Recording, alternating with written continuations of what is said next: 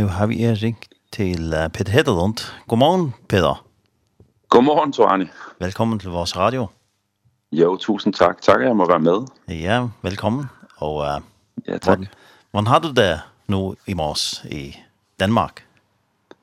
Jeg har det godt. Jeg er en lille smule uh, træt, fordi jeg har stadig lidt efterslæb fra en uh, to ugers tur til Danmark Grønland, så der er lidt tidsforskel der, og øh, på grund af storm i Grønland, så blev jeg fem dage forsinket, så jeg skulle have været hjemme her tirsdag sidste uge, men øh, kom så først hjem søndag, så direkte i gang med arbejde her i øh, den her uge, vi har gang i nu.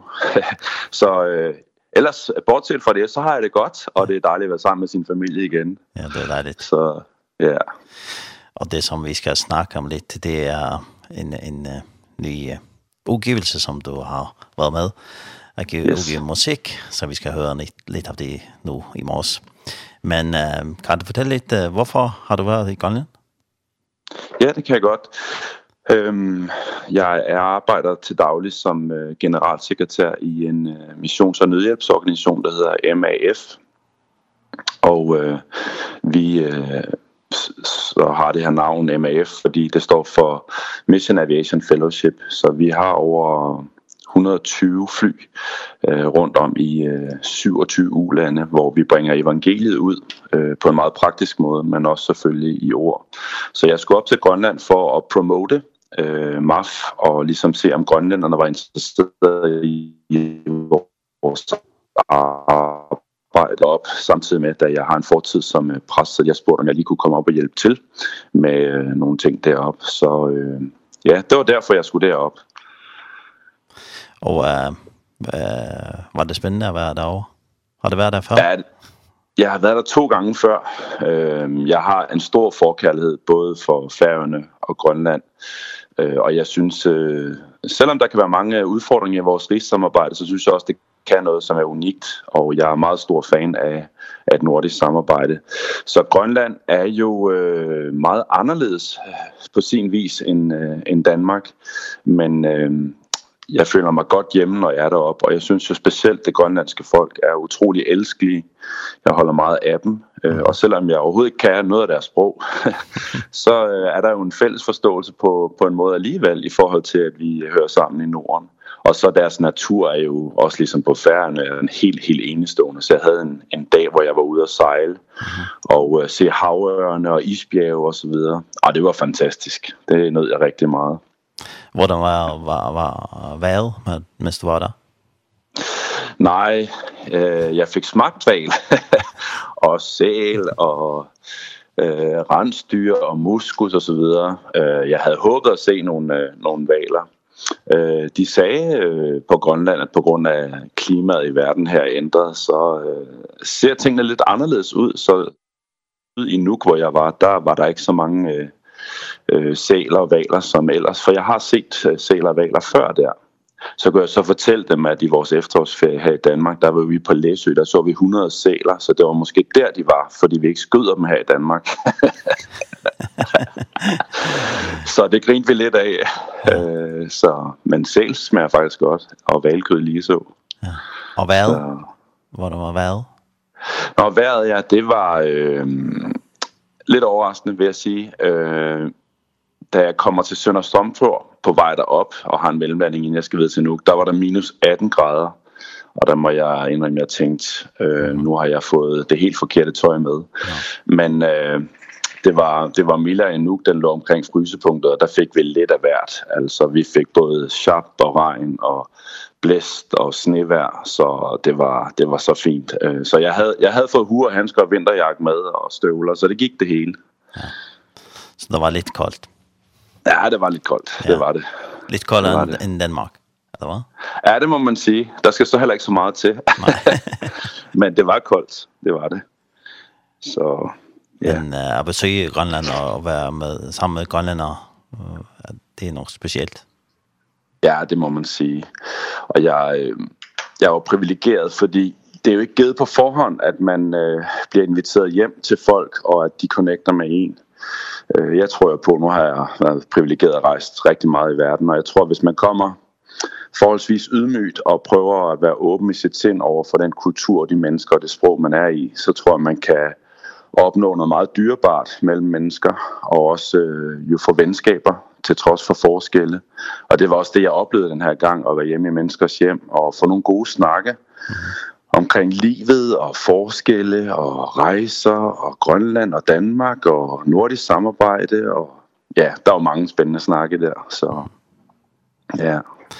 Og uh, kom du så lidt rundt at fortælle om, om MIF? Ja, det gjorde jeg. Øhm, nu kan man sige, Grønland er jo meget dyrt at rejse i, øh, så jeg blev i hovedstaden Nuuk øh, og var i radioen der og fortalte om vores arbejde. Og så havde vi nogle informationsmøder, øh, hvor at øh, jeg kunne fortælle øh, til de mennesker, som kom og, og så så og hørte det, hvad det var, vores arbejde handler om. Og øh, jeg har mødt også nogle, nogle strategiske personer, som måske kan få en betydning for fremtiden. Jeg mødte blandt andet en, som sidder i landstyret, Øhm, så nu må vi se, hvad det bærer med sig, men øh, man kan sige, vores hjertesag i MAF, det er meget de her isolerede mennesker rundt om i verdens afkrog, som måske ikke lige kan få den hjælp, som vi er vant til i vores del af verden. Og det kender de jo rigtig godt fra Grønland, øh, specielt fra Nordgrønland og Østgrønland, hvor de jo lever meget, meget isoleret. Og øh, man snakker jo om den største by over på østkysten, det er jo en by med bare lidt over 2.000 mennesker, det er ligesom hovedstaden derovre, så det er jo meget... Øh, mindre forhold end hvad jeg i hvert fald er vant til her, hvor jeg kommer fra. Øh, så, så det var interessant. Ja, det må man sige. Og øh, ja, du har også været på færgerne nogle gange, og du kommer yeah. snart tilbage, eller hvad? Ja, det håber jeg. Planen er, at øh, jeg skal komme op øh, til færgerne næste år. Øh, sidste år var jeg på færgerne, og det var dejligt at være tilbage. Eh det var i januar, og det var også liksom for at fortælle om vores arbejde i MAF.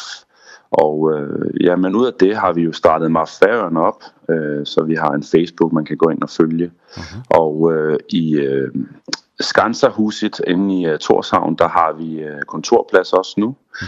Og vi har to fantastiske frivillige, Simon og Jakob, som øh, giver deres kræfter ind i, at vi får MAF på dagsordenen. Øh, så det har det har gået så vidt så vi faktisk fik en donation fra Ministry of Foreign Affairs and Culture for Færøerne her hen over sommeren øh, på 800.000 til at bringe coronavacciner ud, så det er jo meget taknemmelig for den støtte og opbakning. Ja, det er fantastisk.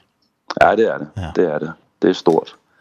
Så hvis man vil ha mer information så så kan man gå in på der den uh, Facebook side og uh, ellers på jeres hjemmeside.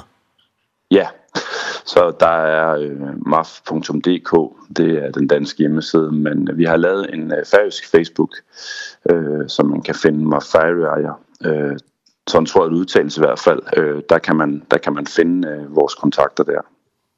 Ja, men øh, ja, vi, vi snakker mere om, om MAF øh, en anden gang, men øh, yes. nu skal vi snakke lidt om, om en udgivelse. Øh, du har ja. udgivet nogle tanker. Ja. Eh, hvad er historien bag det? Ja, det er lidt en sjov historie, øh, fordi øh, da jeg var meget yngre, end hvad jeg er nu, nu er jeg blevet 48, så... Øh, det er også en god alder. Det er en god alder, ja. ja. 40 er godt. Yes, det må man sige. ja, øh, der, der var jeg meget inden for musikken, kan man sige. Øh, jeg er vokset op i et hjem med klaver, som man siger og min øh, mor og far tog ud og synge. Øh, mor øh, sang, og far spillede harmonika. Øh, men jeg brød mig ikke om, da jeg var dreng, og så spille, fordi jeg var tvungen til at gå til klaver. Jeg fik ikke øvet mig særlig meget, men jeg fik dog alligevel lært noget klaver. Specielt da jeg så tog på efterskole, fik jeg både lært klaver endnu mere, øh, og også guitar. Og øh, det blev så senere til, at øh, jeg kom til at gøre rigtig meget inden for lovsang, og specielt sådan øh, måske lovsang for mere unge mennesker. Mm. Øh, og vi havde et band, der var også, vi tog rundt i Danmark, og det blev også til nogle enkelte ture til udlandet. Ehm og det var ja, sådan lidt mere frisk lovsang, end hvad vi var vant til, og det var så midt-90'erne. Så øh, vi udgav et album der, som hed Et vækkelsesfolk stormer frem, som også ligger på de digitale tjenester i dag. Ja, det, og så i, det i 96. Ja, lige nok, ja. Ja. Mm -hmm. ja. Og så i mange år, så har der været øh, mange, der har spurgt øh, min ven og producer Jeppe, som bor jo tæt på mig her, om ikke snart vi lavede noget nyt. Og øh, det har drillet os lidt, fordi i grunden havde vi lyst til det, men vi følte ikke, vi havde tiden til det. Men øh, den fik vi så her under nedlukningen af Danmark i forbindelse med pandemien, og så tænkte vi, nu gør vi det. Mm -hmm. Og vi kunne ikke helt overskue et helt album, øh, men så kunne vi overskue at lave en EP, og det er så det, der er sket nu, og den udgav vi så i sidste uge. Det er spændende. Hvad? Ja, det okay, synes jeg også igen. selv. ja, man kan godt føle sig lidt rusten, men... Øh, selvfølgelig har vi jo ønsket os, at når vi skulle udgive den her EP med fire sange, at, at det, skulle, det skulle ligge inden for den ramme, som vi også havde der i 90'erne, men samtidig været noget nyt. Mm -hmm. Og så også, fordi vi tænker, at vi har noget på hjertet. Øh, så vi synes inden for lovsangen måske, der har været øh, lidt et vakuum i forhold til noget, der manglede. Øh, I hvert fald i Danmark, øh, der har jeg synes, at øh, det lovsang, som kommer ud, er mega godt. Øhm, men, men det er lidt noget andet end det, som vi præsenterer på EP'en Hjerteslag, og det tror jeg også, man ville måske kunne høre, Ehm hvis man øh, lytter det af. Så, så vi, vi synes, vi har, vi har noget, vi gerne vil bringe til bordet, kan man sige, inden for lovsang, og tanken er, at det skal kunne bruges rundt om i menighed sammenhæng, så man kan gå ind og så også finde tekster og akkorder på det hele. Ja, men uh, skal vi uh, lytte til en af de sange? før vi ja, snakker gerne. videre? Ja, Hvad, hvad, skal vi, hvad, hvad, hvad for en skal vi tage først? Ja, men øh, jeg synes, vi skulle måske tage Du er du sand og starte op med. Ja, han kommer ja. så den lytter vi til, så snakker vi lidt mere efter. Ja.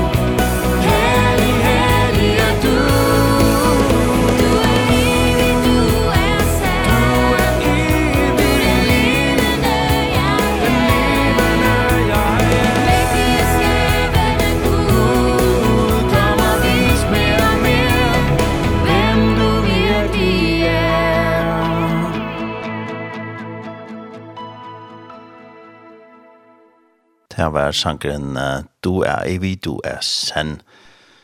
Og vi, og vi har Peter Hellerlund uh, på linjen, og vi snakker om den nye udgivelse, som han er med. Og uh, Peter, ja, man kan sige, at uh, det er lidt uh, som uh, den musik, som du snakkede om, som vi gav udgav i 1996. Mm. Lidt forbindelse med det, eller hvad? Det var det, som I tänkte, som du sagde. Ja, lige nøjagtigt. Øh, dengang, dengang vi lavede albummet i 96, øh, der var der ikke ret meget øh, sådan lovsang for unge mennesker. Og det var vores hensigt at lave noget, som øh, måske havde lidt mere ung appel. Mhm. Mm og øh, det vil sige, men det tænker jeg, du ved, måske lidt mere rocket og lidt mere international lyd. Ja. Øhm, og måske knap så dybsindig, hvis man kan sige det sådan, men lidt mere ud over stepperne. øhm, så så ja. det det er det vi har forsøgt at, at lægge os op af øh, i den nye udgivelse også, der hedder Hjerteslag. Øhm, og man kan sige meget af det lovsang som findes øh, også på den internationale scene øh, virker genkendeligt også synes vi selv i forhold til det musik som vi repræsenterer på Hjerteslag. Mm. Ehm ja. Og den sang som vi lige hørte, du er evig, du er sande. Ja. Hvad kan du sige om den sang? Jamen, det er ganske enkelt en lovprisning til Gud. Øhm, og et forsøg på at, at sige, hvem Gud er, øh, og at vi med vores liv tilskriver ham den ære, som han virkelig fortjener. Øh, og så er det også en, en, øh, en bøn om, at, at længes efter en, til det, som er Guds hjerte for os. Jeg tænker jo mange gange, vi kan leve vores liv og have vores egen dagsorden for, hvordan vi gør. Øh, og, og den sang, den starter ligesom EP'en op og er en bøn om at komme tilbage til udgangspunktet, der hvor vi mødte Gud, og der hvor han jo altid ønsker faktisk at have os i hans nærvær mm -hmm. og i fællesskabet med ham. Så det er det meget den sang øh, går på. Øh, ja. Og øh, hvem har skrevet disse sange? Jamen... Øh, er det dig selv? Det er faktisk ikke mig, der har skrevet sangene. Den her gang har jeg ikke leveret sangen, og det har meget at gøre med, at jeg simpelthen har haft så mange andre ting de her år. Øh, men Jeppe Lund, som er producer mm. og min gode ven, han er en helt formidabel sangskriver. Og han har leveret tre af sangene her. Øh, og den ene har han faktisk skrevet, det er den, der hedder Tage Chance, sammen med min søster, som også er en formidabel sangskriver. Okay. Og så har vi øh, en sang, øh, som er den tredje sang på albummet, der hedder Ære være dig. Det er en af mine tidligere kollegaer fra Euroclass og gode venner, Simon Tonsgaard, som er læge, der har lavet den.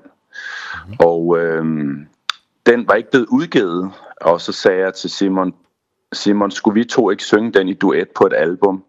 fordi den fortjener virkelig noget opmærksomhed. Og så sagde han, ja, lad os gøre det. Så det er blevet til en duet mellem Simon og jeg, mm -hmm. hvor vi giver den gas sammen øh, i ære hver dag. Så. Og øh, den, øh, den CD, som udgav i 1996, øh, hvad var det for slags sang? Var det sådan, som I, I også har lavet, eller? Jamen, det, det var... Øh, lovsange også dengang, øh, som, som var i meget den... Øh, måske lidt mere rocket stil. Øh, men også altså med med en dybde i form af at der var et stærkt sådan tilbedelsesislet i sangene. Ehm så så på den øh, sag vi lavede dengang og det album, der leverede jeg halvdelen af sangene. Der var 10 sange på. Øh, så dengang var jeg meget mere i gang med sangskrivning end, end hvad jeg er i dag. Mm -hmm. øh, faktisk så, så spiller jeg ikke nær så meget, som jeg har gjort. Man har en drøm om at komme til det. Det er lidt som om livet har taget en. Jeg har haft forskellige lederjobs. Jeg har rejst utrolig meget i mission. Jeg har fire børn, øh, og vi er meget aktive både i forhold til øh, vores håndboldklub her i byen og øh, børnenes skoler og vores hjem er en banegård. Så det der med at fokusere meget ind på musikken øh, og skrive sange og fordybe sig, det håber jeg at få mere tid til, nu jeg står her midt i livet. Fordi det, det vil jeg gerne. Ja. Uh, hvilken slags instrument spiller du? Jeg spiller både guitar og klaver.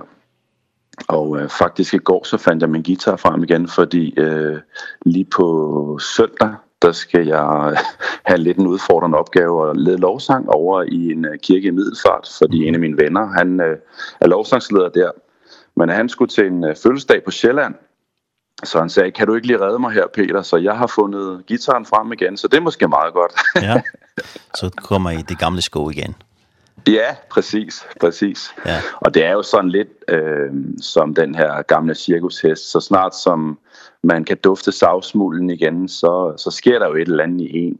Jeg tror jo på, at, at de evner, vi er blevet givet af Gud en gang, dem, dem kan vi ikke helt løbe fra. Øh, vi skal måske lige puste dem af og finde dem frem igen, men de vil altid være der. Øh, ja. Og det, det med at uh, spille klaver og guitar, med, hvornår begyndte du at gør det? Hvor gammel var du? Jamen, øh, klaver, det var meget, meget tidligt, øh, hvor jeg gik til klaver ved Fukken Kildegård, så der har jeg været altså i folkeskolealderen. Øh, og jeg kan huske som en lille dreng og skulle øh, gå hen til frøken Kildegård. Og jeg havde altid så dårlig samvittighed, når jeg skulle derhen, fordi jeg vidste, at jeg havde ikke lige forøget det, jeg skulle. ja. Men øh, hun var et meget elskværdigt menneske. Hun var organist også i Folkekirken, og... Øh, der kom faktisk mange store personligheder også ved hende og øvede klaver og guitar. Blandt andet Kim Larsen var en af dem, og Dirk Passer havde hun haft som elever. Mm -hmm. Så det var ret sjovt at høre ja, historier det, der. Ja, men øh, ja, jeg, jeg fik i hvert fald noget med alligevel, så jeg var glad for, mine forældre tvang mig derhen. Men det var først på efterskolen der, at jeg fik uh, tag om klaverspillet. Og øh, så havde vi på efterskolen, øh, som jeg gik på, hvor jeg senere arbejdede her i Kolding, efterskolen Kildevæld, lørdagsundervisning. Okay. På den tid, jeg gik der. Det var sidst i 80'erne. Og øh, der var der min matematiklærer Jan. Han havde lørdagsundervisning, hvor man kunne lære at spille guitar. Og så tænkte jeg, det prøver jeg. Og så, øh, så fik jeg mod på det og begyndte så at øve selv. Øh, men jeg havde aldrig troet øh, med min ringe indsats på guitar og klaver, da jeg var da jeg var barn og ung, at det skulle blive til senere udgivelse af musik, men det, det har også kun lykkes ved gode venners øh, hjælp, vil jeg sige. Mm. Så ja. Det er fantastisk. Uh, og uh, gennem årene, når du har lavet sang, uh, hvad har inspireret dig? Jamen, jeg, jeg øh, bliver meget inspireret af, øh, når det handler om, hvem Gud siger, han er. Øh, jeg har... Øh, jeg har lidt en anke mod, når det kommer til at handle for meget om os selv, og udgangspunktet bliver os selv. Mm -hmm. øh, jeg tror, vi er nødt til at finde tilbage til udgangspunktet, øh, hvem Gud han er, og hvad han har gjort for os. Øh, og det inspirerer mig rigtig meget, men, men det, der, også meget en inspiration for mig, det er Guds natur. Og det er måske derfor, jeg er særlig er vild med Færøerne og Grønland, fordi øh, den der rå og barske natur, som I jo har, den har vi jo slet ikke på samme måde i Danmark, vi har noget andet. Den fascinerer mig, og den taler rigtig meget til mig omkring Guds storhed, og også om, øh, om Guds omsorg faktisk for skaberværket. Øhm, så så det, det er noget af det, der kan inspirere mig, og så inspirerer dem også altid, øh, når, jeg, når jeg så prædiker og underviser, som jeg jo gør mange gange. Så er der altid et eller andet, der kan fange mig der, hvor jeg tænker, hvis, hvis nu jeg kunne lave noget af det her om til en sang, så kunne det måske altså være noget, der var vigtigt, at et budskab at få ud. Øhm, ja, så, så det, det er sådan meget det, der, der kommer til mig, kan man sige, når jeg bliver inspireret. Ja. Og når man er ude i naturen, så finder man ud af, hvor lille vi er. Ja, præcis. I forhold til uh, Gud. Præcis. Jeg kan huske for år tilbage, der var vi på en jordomrejse, der stod jeg øh, sammen med min kone ved Grand Canyon. Og der oplevede jeg faktisk Gud tale til mig. Øh, ikke så jeg kunne høre det, men som en inspiration i mine tanker og mit sind. Mm -hmm. Og jeg oplevede Gud sige til mig, prøv at se her Peter, så stor er jeg, at jeg kan skabe det her. Og du vil få lov til at opleve i dit liv, at jeg er en stor Gud. Og det du ser her er bare starten på det. Og så blev jeg meget ydmyg over for det. Jeg følte Gud sige til mig, så jeg sagde, Gud, hvis det virkelig er dig, der taler her, så tager jeg imod din udfordring til mig, og jeg er spændt på, hvad du har i mit liv til mig. Og jeg må bare sige, min, min livshistorie er et vidnesbyrd om, at jeg virkelig har fået lov til på mange måder, trods mange odds, der var imod, og så se Gud være stor i mit liv, og, og ser det også den dag i dag. Og det er jeg og vi taknemmelige for i vores familie. Ja. Ja, ska vi höra lite, lite mer musik? Eh, ja. För vi snackar mer. Vad ska, vi, det. vad ska det være nu? Jamen, øh, måske vi skulle tage den her øh, Tage Chancer, som min søster synger, og jeg bare synger kor på.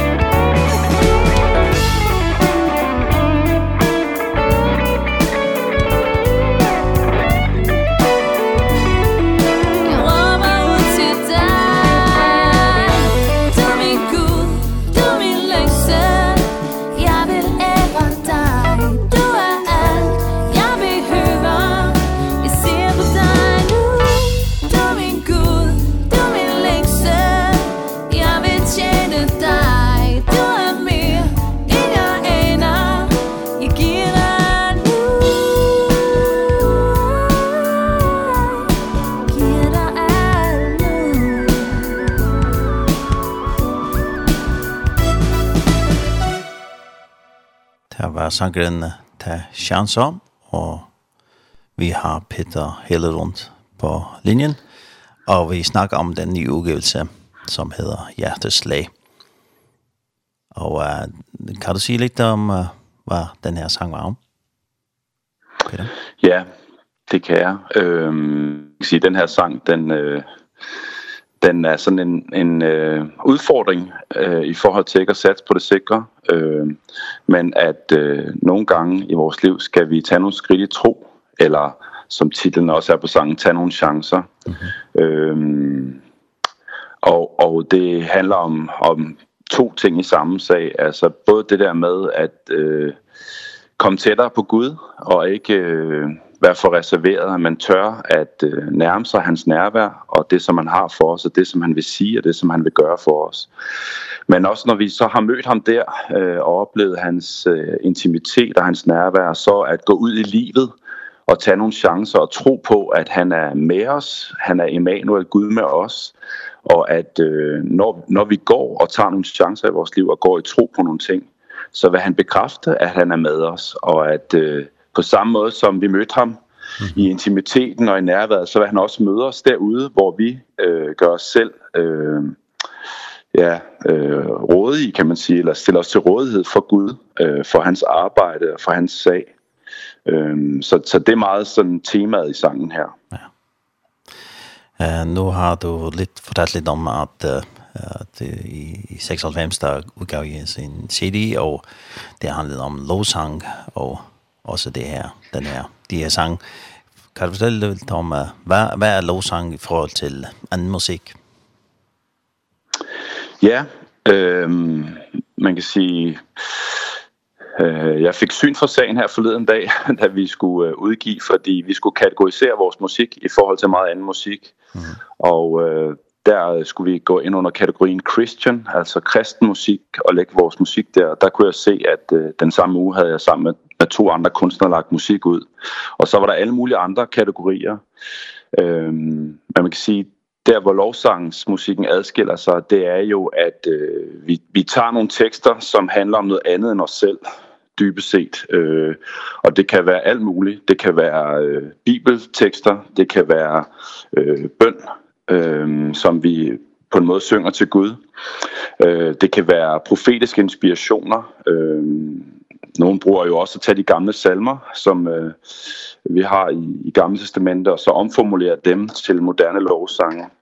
Øhm, og, og der er noget omkring det der med, når vi anvender Guds ord i, øh, i sangtekster, eller jo i det, som vi inden for kirken kalder for lovsang, og det er for den sags skyld også gældende for salmer, så, øh, så får det noget andet over sig. Øh, vi tror på som kristne, at Guds ord er et levende ord.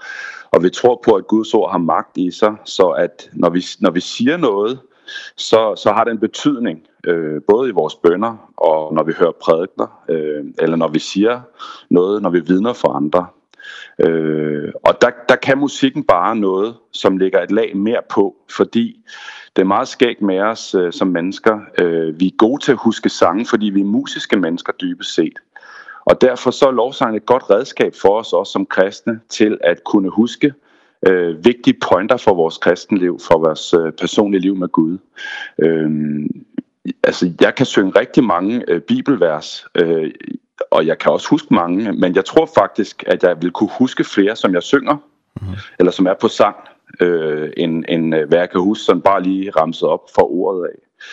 Ehm så, så lovsangen kan noget der, og er jo dybt set også noget, som Gud øh, beder os om at, øh, at være tilbedere som tilbeder i ånd og sandhed. Det er jo det, vi forsøger på, når vi både synger salmer og når vi lovsynger. Og jeg er meget, meget stor fortaler for, at der skal være diversitet der, og det ikke skal være på en bestemt måde. Det, som vi har udgivet nu her på Hjertesdag, er jo bare et udtryk og jeg jeg imødekommer og velkommer alt øh, som som er i alle mulige retninger. Ehm ja, så jeg synes også her da vi havde nedlukning af Danmark, der havde vi jo fællessang her hver uge i Danmark. Der der fik vi jo en, mange af de gamle salmer også frem. Øh, og og det kan bare noget, altså. Ja. Det kan det. Så man kan ikke, man kan ikke sige at uh, lovsang er en bestemt stil af, af musik. Nej, det synes jeg ikke, man kan. Altså, jeg vil jo sige, at lovsang er en form for, for livsstil. Øhm, og øhm, jeg vil også gå så vidt og være fræk her og sige, at der findes jo også dårlig lovsang. Øhm, lige så vel som der findes god lovsang. Øhm, og, og jeg synes, det handler meget om, om kvaliteten, både i de musiske, men også i de tekster, som er. Øhm, så så ja, altså, jeg, jeg, jeg forstår lovsang som, som værende en livsstil mere end en kategori inden for musikgenren. Det vil jeg sige. Og det er, det er også flyttet sig mere over de seneste år, måske musikstil og hvad lovsang er. Ja, det synes ja. jeg. Eh, altså, jeg kan huske fra min barndom, og det kan du nok også selv huske, Torane. Altså, der kan jeg huske, når vi skulle have, altså, det vi kalder lovsang i dag, så, så blev der sagt i kirken, nu skal vi til at synge kor. Og, og, og, ja. og, og, og det var sådan rytmisk musik. Ja. Og, og det var som om, altså, man, man mente med det, det, det skulle lige være lidt mere frisk end salmer. Ja. Men faktisk er der modkultur meget blandt unge i dag, som længes tilbage til salmernes dybde og rigdom Så jeg, jeg tror, det er meget, meget vigtigt, at vi ikke placerer os et bestemt sted inden for, for den her altså lovsang, og så siger man, det her, det er lovsang. Øh, fordi så begrænser vi, øh, hvad lovsang kan, og vi begrænser også os selv i forhold til det udtryk, som beriger os. Og det er jo derfor, det er så, det er så fantastisk altså inden for, for kirken og inden for Guds rige, at der er jo noget for alle. Ja. Altså, og, og nogen vil synes, hjerteslag er godt, andre vil synes, øh, øh, noget helt andet er, er meget bedre til dem. Eller en kombination af det. Øh, så jeg tror man skal man skal passe rigtig meget på øh, også inden for lovsang øh, og inden for kirke det hele taget at at putte tingene i bås, fordi så er vi tilbage til det som vi snakkede om før. Hvis vi hvis vi siger Gud han er en stor Gud, så må vi heller ikke begrænse ham i hans storhed, og det har vi en tendens til nogle gange som mennesker, for at vi bedre kan forstå ham. Ja. Men sandheden er jo, at han vil altid være stor, og vi skal altid gå på opdagelse i ham, fordi ja. vi bliver aldrig færdige med ham. Nemlig. Kan man sige, at nogle af de, de salmer, som man kender til, er også lovsang? Ja, det kan man. Det, det vil jeg mene. Øhm, altså, når, når jeg øh, læser Grundtvig, for eksempel nogle af hans salmer, eller bruger som for den sags skyld, jeg vil sige, det er lovsange. Og altså, de, de brugte jo den tids musik til at skrive det, som for dem var lovsangen. Sådan opfatter jeg det i hvert fald. Mm -hmm. Og der kan man bare sige, øh, verden har udviklet sig, kulturen har udviklet sig, mennesker har udviklet sig, musikken har udviklet sig med det. Og, og dermed i dag, så, ja, så, så, så har vi måske meget mere diversitet i udtryksform, når det gælder musik og sang. Og det tænker jeg kun er godt, fordi så kan vi nå, nå, nå bredere omkring. Ja. Førhen var det måske kun nogle få genrer, og så liksom, kan du lide det, eller kan du ikke lide det. Øh, og og der er det bare sjovt at opleve, altså, i den her tid, at der er en længsel tilbage til udgangspunktet, til den rigdom, som de gamle salmedigter for eksempel havde i deres måde at skrive tekster på. På mange måder var de jo meget mere dygtigere, end de lovsang, bliver skrevet i dag. Jeg, jeg vil sige, der der er, der er langt mellem de rigtig gode lovsange som vi altså øh, tager med os øh, 100 år frem. Det det det er kun ganske få der vil der vil synge som 100 år tror jeg alt det bliver givet ud i dag. Ja. Ja, men øh, vi skal høre lidt mere musik før vi ja. afslutter. Yes. Og hvad skal det være nu? Jamen øh, så synes jeg vi skal høre ære være dig.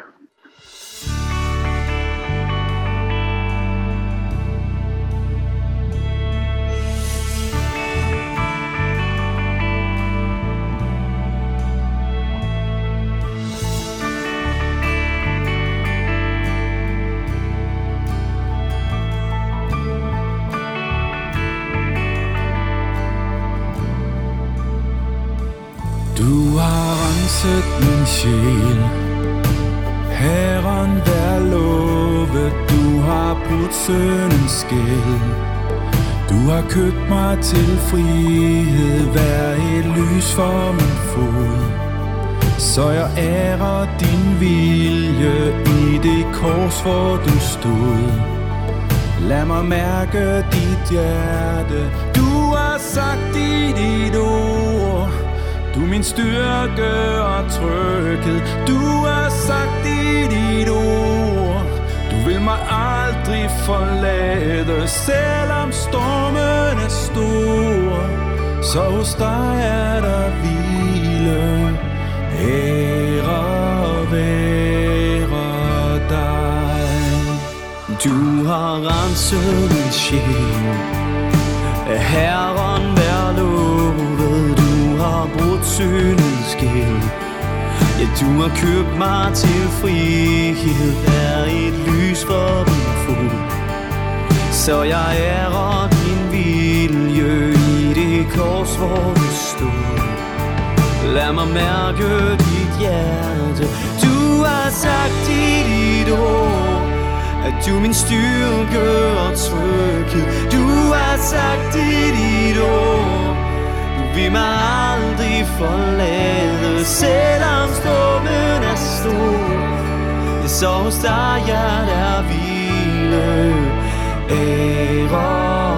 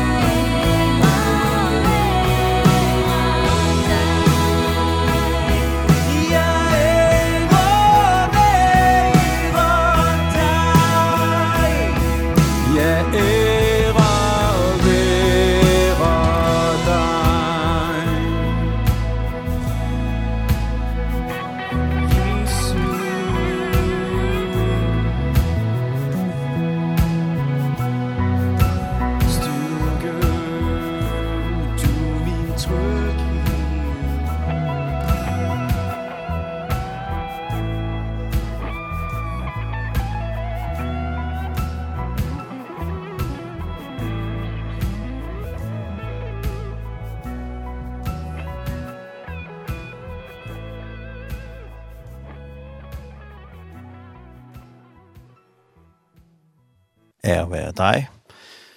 Har du vidt her. Og vi har Peter Hedderlund på linjen. Og uh, vi har spillet noen sang som du har utgivet.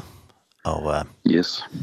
hvordan kan man uh, forfatte de sang? Hvordan, hvor kan man høre de sang? Jamen, vi har lagt dem ud på alle digitale øh, musiktjenester og online musikbutikker. Øh, så de ligger på øh, ja faktisk alle kanaler, så hvis man øh, hører iTunes eller Spotify, øh, YouTube, så vil det være at finde der, og så er det sådan set bare at gå ind og så øh, få dem hentet ned derfra. Mm. øh, på Grønland, der spurgte de om også den var på CD. okay. Ja. Øh, Og det det det har vi ikke endnu. Øh, man kan sige verden har jo også ændret sig der, øh, så det det hele er digitalt. Mm. Så det er der man skal ind og hente det. Øh, ja. Och vad den men du säger att du gav musik i 1996 där utgav man det på CD og man skulle sälja det i butiker och sånt något. Och det kostar ja. lite att utgiva sån musik. Vad den gör? Ja. Ja, altså øh, dengang der øh, husker jeg det som om det kostede omkring 50.000 at udgive sådan en en CD og vi havde faktisk også kassettebånd så vi er virkelig langt tilbage her. ja, det må jeg sige. og øh, Øh, faktisk så har vi opgjort, hvor mange øh, CD'er vi har tilbage. Det er, det er omkring øh, 10 stykker, vi har tilbage, øh, så, så vi er ved at have udsolgt, så det er meget interessant. Men det er klart, altså en udgivelse koster altid noget. Øh, men vi har haft på hjerte, Jeppe og jeg, at, at øh, give det her som en slags gave også til... Øh, ja, man kan sige Guds rige. Ehm og og ehm selvfølgelig er der nogle udgifter forbundet med det, men øh, vi har ikke været ude og og fundraise på det her og sagt, er der nogen der vil støtte os eller noget. Vi vi har selv liksom sagt, det her det tror vi på. Mm. Og så tror vi også på at øh, det skal Gud nok velsigne og øh, at vi nok skal vi skal nok klare os. Ehm så så øh, ja. Det øh, er alle andre lige også billigere at lave musik i dag, hvis ellers man har udstyret til det. Og øh, det har min gode ven Jeppe, så han har hjemmestudie og så videre. Øh, så det er ikke så kostbart. Dengang i 90'erne, der skulle vi jo booke et studie, og øh, øh det det løb bare op med timer for og øh, koste noget der så så det der kunne man godt se hele tiden uh, taxameteret køre. Det er lidt noget andet i dag. så ja. Så en både alle disse digitale vill jag så så kan man höra jazzmusik och så man ska bara skriva hjärteslag eller vad ska man skriva? Peter ja. Hedlund? ja, Peter Hedlund og så Hjerteslag, så kommer EP'en frem, og der er fire numre. Øh, om, om vi kommer til at lave mere, det må fremtiden vise. Øh, indtil videre har vi kørt på dansk, men der er også mange, der spørger, kan I ikke lave noget internationalt også snart? Så jeg vil sige, det er næsten den bedste måde, man kan støtte os, det er, at øh, hvis man ellers kan lide musikken, så få den downloadet, og måske også bare dele øh, musikken med sit netværk, som man synes, det her, det, det giver mig noget. Så kan man jo øh, fortælle andre om det. Ja. Øh, ja, Bliver det også lagt på YouTube og sådan noget? Ja. Øh, tanken er, at vi skal have lavet en øh, lyrikvideo. Mm. Altså, YouTube-kanalen ligger det på nu. Der kan man godt finde den, men det er bare cover, man kan se af musikken, der kører. Mm. Øh, men men øh, vi kunne godt tænke os netop, når vi snakker om Guds natur. Øh, så min søn han har et lille projekt her i øjeblikket øh, med at øh, få lavet noget god film fra Danmarks naturen her, og så få lavet noget ly lyrikvideo. Øh, så håber vi, at det kan komme ud og så inspirere, så der bliver noget visuelt også at kigge på samtidig, når man hører sangene. Mm. Det er spændende. Ja, det er det. Ja, og øh, nu til sidst, har du måske en hilsen til færingen nu? Har vi slået dig? Jamen, det har jeg. Øhm, jeg, jeg har tænkt rigtig meget over her øh, på det sidste øh, bjergprædiken, og også øh, talt og undervist ud fra den, gjort også i Grønland. Og der er noget, der har fanget mig på ny, efter vi havde vores efterårsferie på Læsø. Der øh, er Læsø jo kendt for, via den specielle natur, at være et godt sted at producere salt. Så Læsø salt er noget med eksklusivt, man kan få af salt i Danmark. Mm øh, og øh, på grund af naturen derovre, så får man øh, en saltaflejring i øh, de brønde, som de laver derovre på helt op mellem 12 og 14 procent. Og det kan man så udvinde salt af og lave en business ud af det. Og så kommer jeg jo rigtig til at tænke på det her med, når Jesus han siger i bjergeprædiken, at I er jordens salt og verdens lys. Øh, bare det her lille, at Jesus siger, I er jordens salt. Fordi vi får ofte hørt det forkert, og det har jeg bare lyst til at sige også i dag, måske som en hilsen til øh, jer dejlige færinger, at øh, vi hører, I skal blive jordens salt, eller I, I har været jordens salt. Mm -hmm. Jesus han siger, I er jordens salt. Så det er altså en del af vores identitet, at det er det, vi er. Og det kan vi føle os langt væk fra. Det kan vi føle, at øh, jamen, det er der slet ikke. Der var en gang, hvor at jeg var det, eller jeg tænker, i fremtiden kan jeg blive det. Men når vi har taget imod Jesus i vores liv som vores personlige frelser, når vi har et liv med Gud, så per definition i forhold til det, Jesus siger i bjergprædiken, så er vi jordens salt. Og så kan det godt være, at saltet har mistet sin kraft, øh, og det kan godt være, at vi kan blive mere kraftfulde i forhold til Guds liv og så videre. Men vi er jordens salt, og det, jeg synes bare, det er så opmuntrende, at vi kan tage imod det. At jamen, det er det, jeg er, lige så vel som vi kan tage imod, at vi er frelste eller vi er Jesu vidner, så er vi jordens salt. Og øh, det synes jeg gør det ved mig, øh, i hvert fald i mit eget liv, at jeg har lyst til at komme tættere på Gud og finde ud af, hvordan kan jeg være det på den øh, rigtig gode måde i mit liv, og hvordan kan det få et udtryk her i min hverdag, der hvor jeg nu er.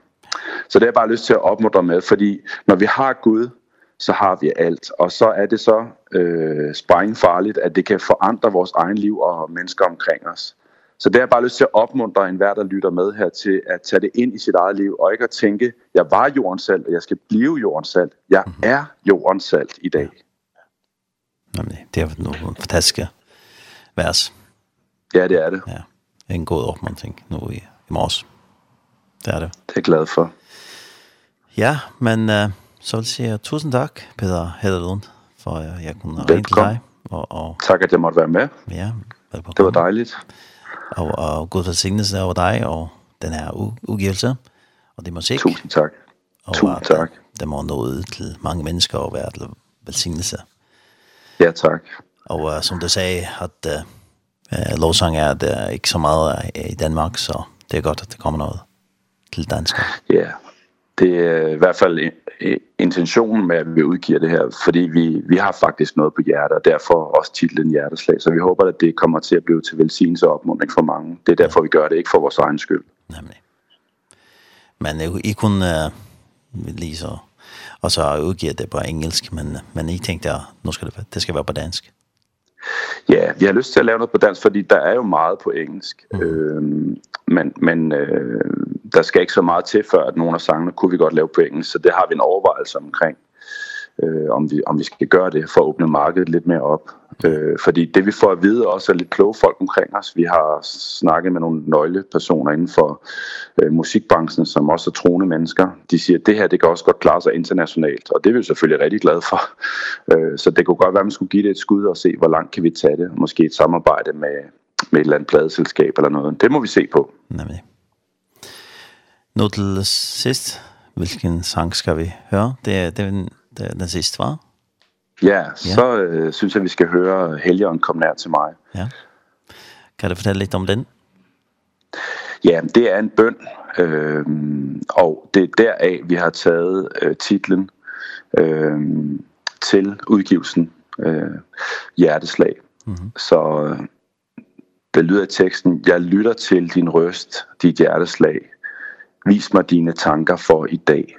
Og måske det i virkeligheden også kunne, kunne være sådan en bøn, vi kunne tage med os her på den her torsdag, mm -hmm. at vi kan få lov til at lytte til Guds hjerteslag, øh, for han har så meget godt for os, og han elsker os uden grænser. Mm -hmm. Og øh, at vi øh, ja, kan få lov til at se ham også vise hans planer for os, for dagen i dag, og dagen i morgen og fremtiden. Så det er sådan en bøn, øh, som handler meget om, at jeg har lyst til at komme tæt på dig, Gud. Så det er meget passende, synes jeg, at slutte med. Og måske i det møde med Gud, at vi kan få lov til også at opleve hans nærvær, og opleve at blive bedre jordens salt. Tusind tak, Peter Hedlund, og må du have en Velbekomme. god dag, og Guds velsignelse over dig. Så, ja. I lige måde. Tak må Gud velsigne alle lyttere. Ja, tak. Velbekomme. Velkommen. Tak. tak.